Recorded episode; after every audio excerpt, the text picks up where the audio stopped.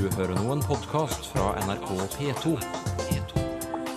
nrk.no-podkast. Språket romani kom med taterne til Norge på 1500-tallet, og snakkes fremdeles. Jeg føler meg jo veldig sterkt knytta til mine folk, da. Og når vi har et felles språk, så binder det oss jo mer sammen nå. For meg betyr det mye. Og hvorfor begynner idrettsutøvere ofte svarene sine med ordet nei?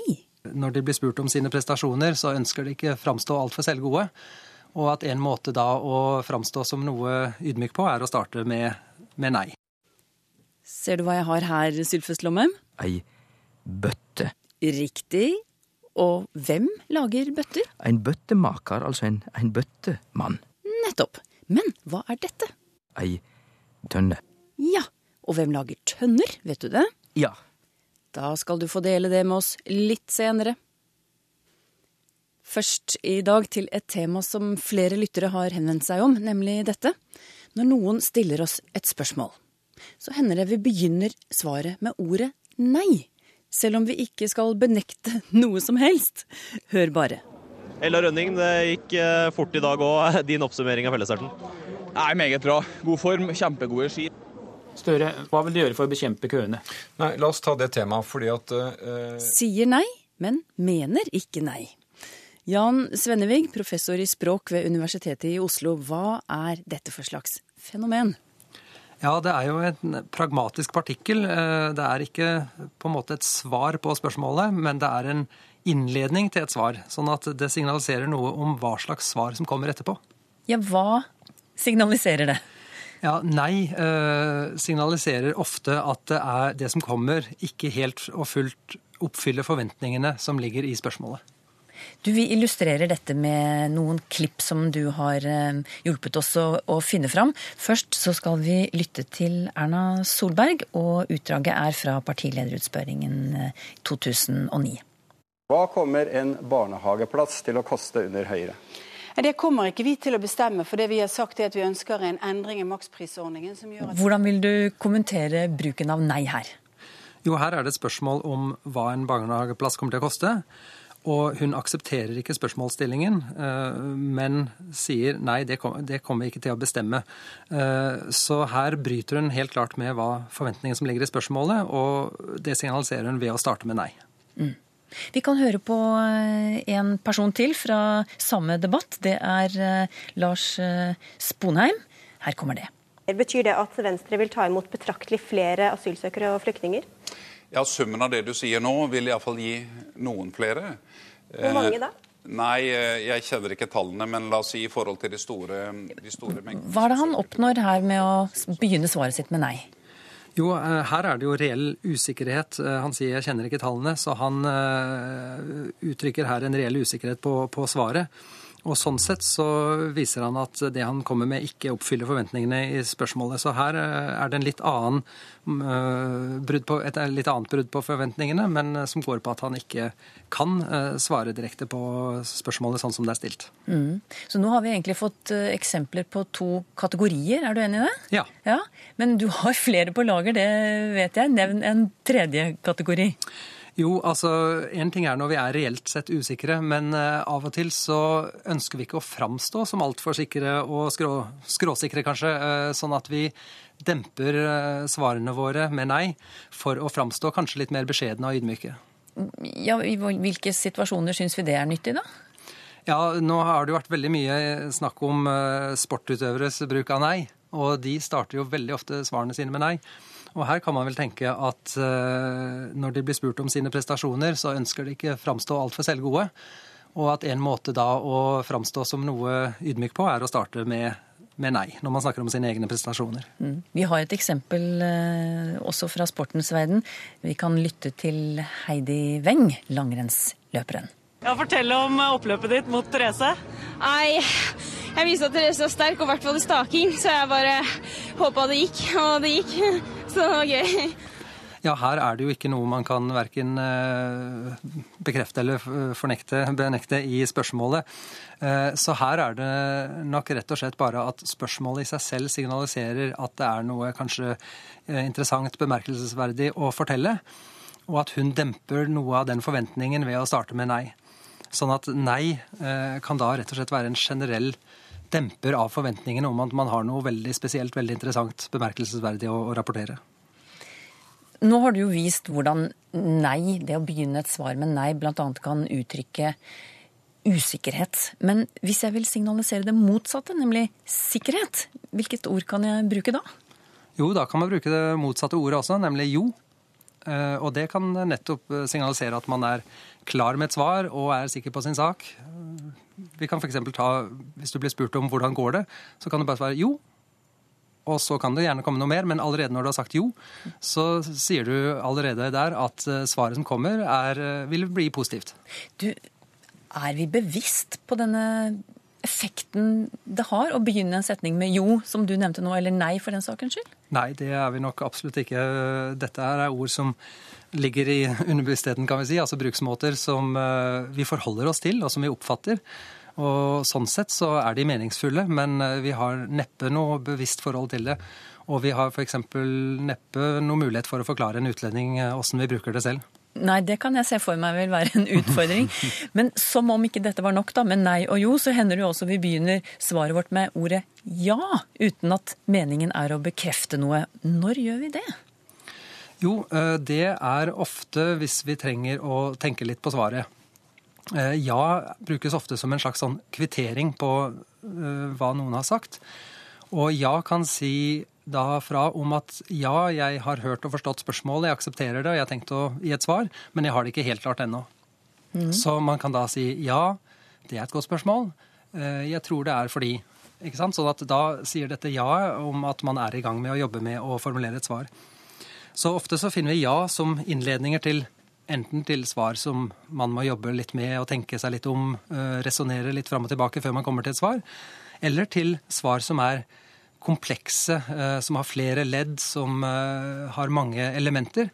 Og da sier man fra der at ja, jeg skal besvare dette her, men det er ikke bare å slenge det ut av seg ved første anledning. Har du et eksempel som kan anskueliggjøre det du akkurat har sagt nå? Jo, eh, fra en, eh, da et radiointervju så har jeg et eksempel hvor en eh, ekspert da blir spurt hva er grunnen til at denne situasjonen er så spent.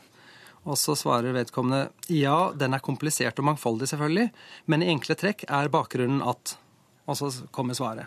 Så her kommer ja, og så kommer det en innledning som sier at svaret er vanskelig og komplekst, og så først kommer svaret selv.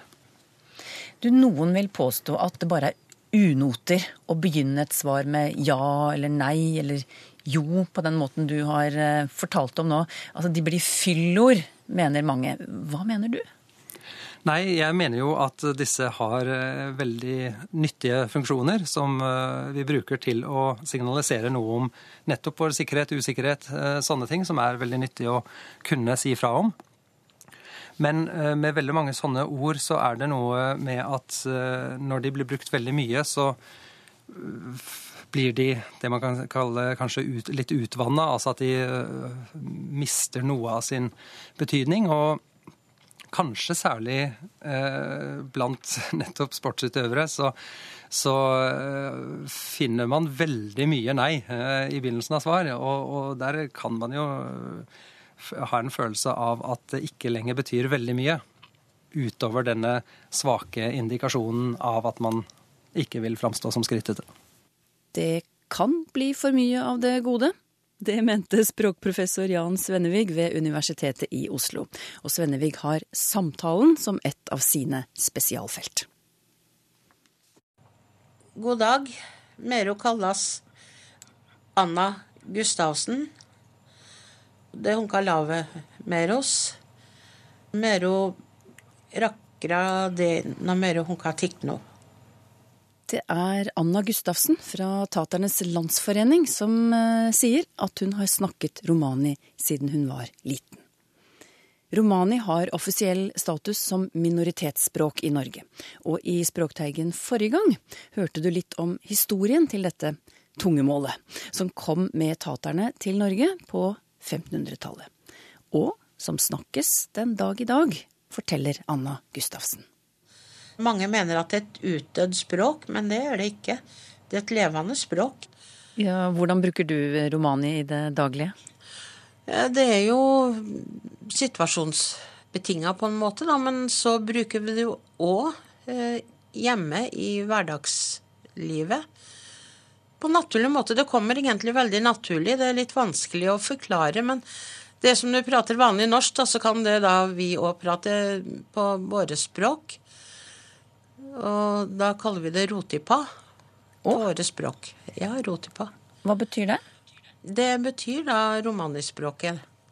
Så du bruker det hjemme, og så, du, så sa du at det var situasjonsbetinget. Kunne du gitt noen eksempler på situasjoner ellers der det er eh, naturlig å snakke romani? Ja. Det kan jo f.eks., hvis en skal ta det litt forenkla, når vi er på en butikk, da. Og vi liksom står mange rundt, og det er noe vi skal fortelle eller vil si, så bruker vi det. Det kan jo bare være noe så enkelt at vi automatisk slår over uten å tenke på det. Eh, hva vi da skal kjøpe. Nina skal mero kina tudd, f.eks. Det kan vi godt si på våre språk at nå skal jeg kjøpe melk. Og sånn kan det jo være mero kinar maro. Da kjøper jeg brød. Da, jeg, da, gir jeg beskjed om det. At jeg skal kjøpe brød. Mero jar Liksom, da går jeg. Nå går jeg, liksom. Ja. Vi tenker ikke over hvorfor vi gjør det heller, for vi har det jo sånn med oss, og automatisk så kan vi prate det språket uten at vi egentlig skjønner at vi gjør det òg, liksom. Hva kan det være som man ikke vil at andre rundt skal høre eller oppfatte, som gjør at man bevisst eh, bruker romani i f.eks. i butikken? da? Nei, det er vel Vi har et eh, en sånn innebygd eh, varslingssystem når vi er ute i i liksom storsamfunnet så har vi vel en tendens til å ville være litt privat. Og det får vi jo blitt da når vi bruker vårt eget språk. Nå liksom prater vi sinnsimellom her uten at alle rundt oss får med seg hva vi skal og mene og, og hva vi sier. Mm. Hvordan reagerer folk rundt da som ikke forstår dere, på at dere prater romani sammen i sånne situasjoner som f.eks. butikken? da? altså, Jeg tror ikke det er noe så veldig reaksjoner på det.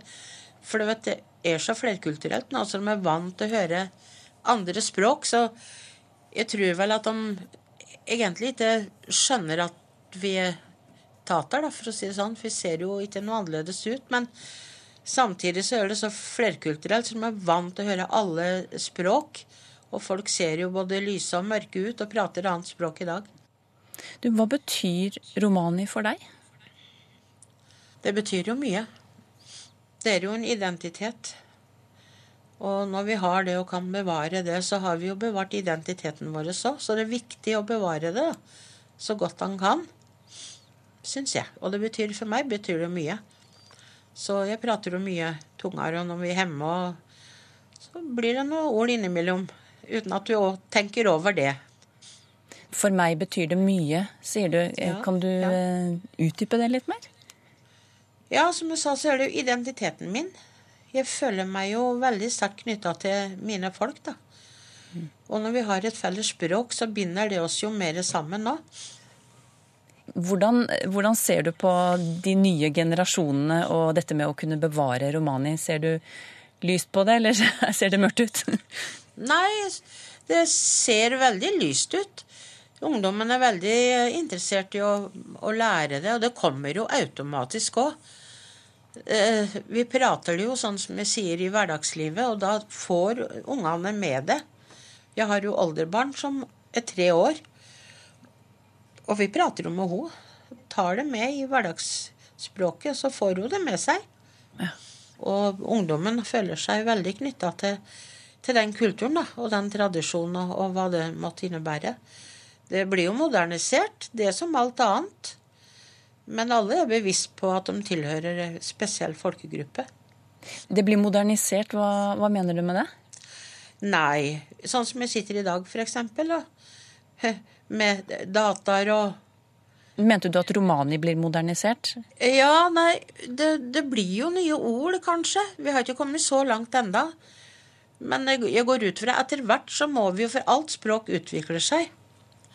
Så det blir vel noen nye ord, for det var jo mye ord vi ikke hadde før. Det var mange ting som ikke fantes.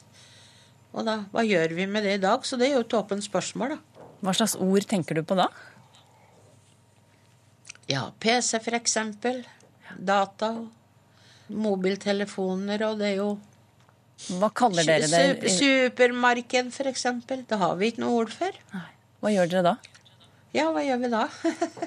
det er spennende å se hva det eh, ender opp med.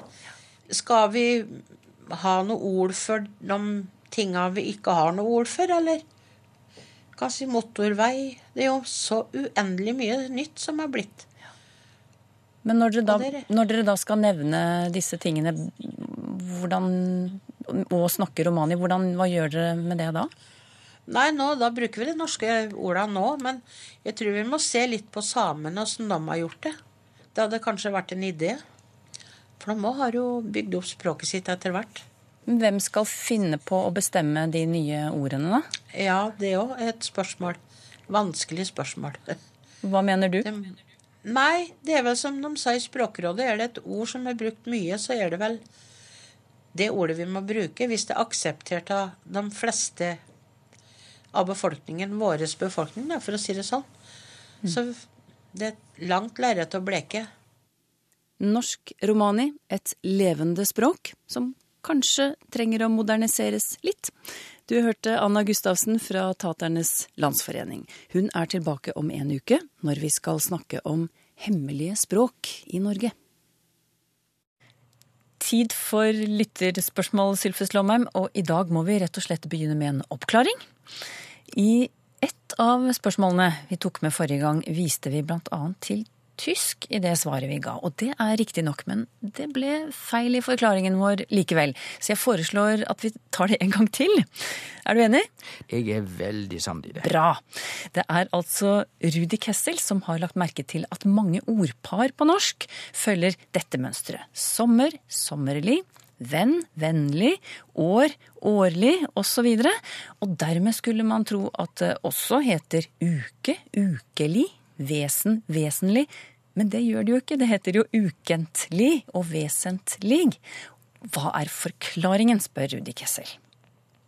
Og sist jeg forklarte dette her, så sa jeg at eh, altså vennlig og ærlig og hyggelig, det skjønner vi. Vennlig betyr lik ein venn. Altså LIG er egentlig det samme som vi kjenner godt på nynorsk. Lik, altså å være det samme som. Så er du vennlig, så er du lik ein venn. Bare så det er forklart. Så er det ukentlig og vesentlig. Og der forklarte jeg at eh, den eh, endinga der er jo heilt annerleis. Og den har vi fra tysk som mønster. Så langt var alt riktig. Men så skar det seg. Og jeg gjorde det mye mer komplisert enn jeg egentlig trengte å gjøre. Fordi det viser seg at også på tysk så hadde de tidligere bare det som tilsvarer lig på norsk, altså samme mønsteret. Men på et tidspunkt så begynte de å putte inn ein T føre. Ikke ukenlig og ikke offentlig og ikke egentlig, men de putta inn en T.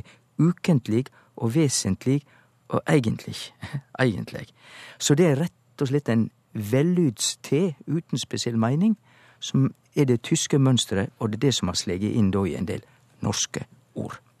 Da vet vi det, og takk til Eva Engelhardt og Peter Meining for at de satte oss på rett spor. Så til et ord som figurerte hyppig i nyhetsoverskriftene tidligere i vinter surrogatbarn. Olav Hanto skriver det kan da umulig være riktig å kalle barn som har kommet til verden ved hjelp av surrogatmor for surrogatbarn. Et surrogat er jo en erstatning for ekte vare, men ethvert barn er et ekte barn, skriver han. Så kan jeg legge til, Sylfest, at jeg har søkt litt på ordet surrogatbarn i avisarkivene, og første gang avisene skriver om surrogatbarn er i 1989, faktisk. Og så, for et par år siden, registrerte Språkrådet surrogati som nyord, med betydningen det å få barn ved hjelp av en surrogatmor. Og siden da har surrogatibarn og surrogatbarn blitt brukt om hverandre i mediene. Hva vil du si om ordet surrogatbarn, Sylfes Lomheim? Ja, det er jo en del å si her, og jeg syns at dette er såpass alvorlig sak òg at vi kan bruke litt tid på. Det første jeg vil si, kanskje det viktigste da, nemlig at eh, jeg er provosert over denne ordbruken på norsk. Her eh, har de såkalla politisk korrekte miljøa i Oslo som eh, liksom setter opp lister for ord de ikke liker. Her har de sovet, for dette syns jeg ikke går an å kalle barn for surrogatbarn eller surrogatibarn. For, som det var sagt i innledninga di, N, surrogat betyr jo erstatning. Altså erstatning for noe anna. Det er altså ikke fullverdig. Det er erstatning. Og vi kan ikke da kalle et barn for surrogatbarn. Det er så feil. Men eh, så til sjølve ordet. Det kjem fra latin. Surrogat betyr altså erstatning. Og når vi har uten videre slukt denne ordbruken på norsk, så tror jeg vi skal vende auga til engelsk, for der bruker de både mother surrogate og surrogate child. Så, eh, men vi bør ikke se på engelsk som mønster. Jeg har sett dette på fransk. Der bruker ikke dei dette ordet i det heile teke. Der bruker de mer portøs, og portøs det er den som bærer barnet. Altså, det er rett og slett mora som bærer et barn, og det er verken pluss eller minus ved det, heilt beskrivende. Og så ser jeg òg at det barnet som blir født, har ikke noe spesielt eh, ord på fransk, jeg bare kaller det et barn som er født av ei mer portøs, altså ei mor som bærer det fram. Og vi kunne gjerne begynne å snakke og skrive litt slik som de gjør på fransk, syns jeg. Jostein Gangstø skriver til oss om et tradisjonsrikt håndverksfag som svært få driver med i dag, nemlig det å lage tønner og annen emballasje av trestaver. Fagtittelen er bøkker, forteller Jostein Gangstø, som selv er bøkker, og som lurer på hvorfor det heter akkurat det. Ja, dette er et gammelt håndverk, og dette kom jo opp fordi at vi i vi forklarte å falle i staver, som da er stavane, tønnestavane i ei tønne. Men altså bøkker. Og det kjem fra tysk. Og det er en D der. DK bøtker. Og det kjem visstnok ifrå et gammelt ord bodik, som betyr kar. Altså kar, ikke i betydning mann, men et hålrom. Og bodik er til og med fjernt i slekt med bøtte, som vi bruker òg til å fylle ting oppi.